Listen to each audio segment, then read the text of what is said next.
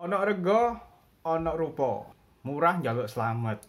Itulah ungkapan-ungkapan Jawa yang maksudnya kalau mau dapat barang berkualitas ya harus bayar dengan harga yang pantas. Tapi menurutku itu sudah nggak relevan lagi. Sekarang kita bisa kok dapat produk mewah dengan harga murah, bahkan cuma-cuma. Assalamualaikum warahmatullahi wabarakatuh. Sama kayak pekerja-pekerja kreatif lain, aku dulu juga pakai Microsoft Word, PowerPoint, Photoshop, Adobe Premiere, standar industri gitulah. Mantap pokoknya buat kebutuhan uh, sebagai penulis multimedia. Problemnya satu, semuanya software bajakan. ya gimana lagi kalau beli orinya bisa belasan juta, Bos.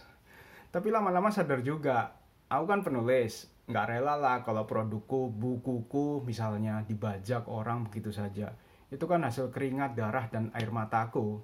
Lebay. Tapi beneran gak rela. Terus kenapa aku malah tega membaca hasil keringat, darah, dan air mata orang lain, kreator lain? Nggak mau produkku dibajak tapi aku sendiri menikmati bajakan produk-produk orang lain. Standar ganda kan? Aku mikir kok egois aku ini. Makanya 2015 laptop ku install ulang ku ganti semua dengan OS-nya softwarenya semua yang krek-krekan pokoknya ku buang.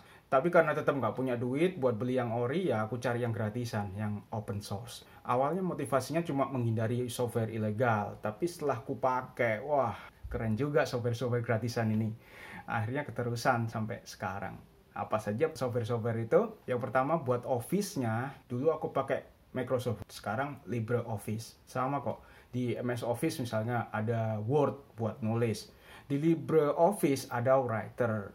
Kalau Excel buat catatan keuangan atau tabel-tabel gitu di Libre ada Calc PowerPoint di MS Office. Di Libre ada Impress dan seterusnya Jangan khawatir, file-file ekstensi doc, XLS, atau PPT yang dibuat di Microsoft Office bisa dibuka dan diedit lagi di sini. Terus yang kedua, buat edit kode pemrograman, dulu aku pakai Notepad++ atau Adobe Dreamweaver. Sekarang cukup Bluefish Editor. Buat edit gambar, dulu Adobe Photoshop, sekarang GIMP Image Editor. File PSD-nya Photoshop bisa dibuka di sini, tapi layernya agak meleset-meleset dikit lah ya untungnya aku bukan desainer atau manipulator uh, gambar profesional. Jadi file-file PSD ku peninggalan zaman dulu nggak banyak. Yang keempat buat edit suara atau edit audio.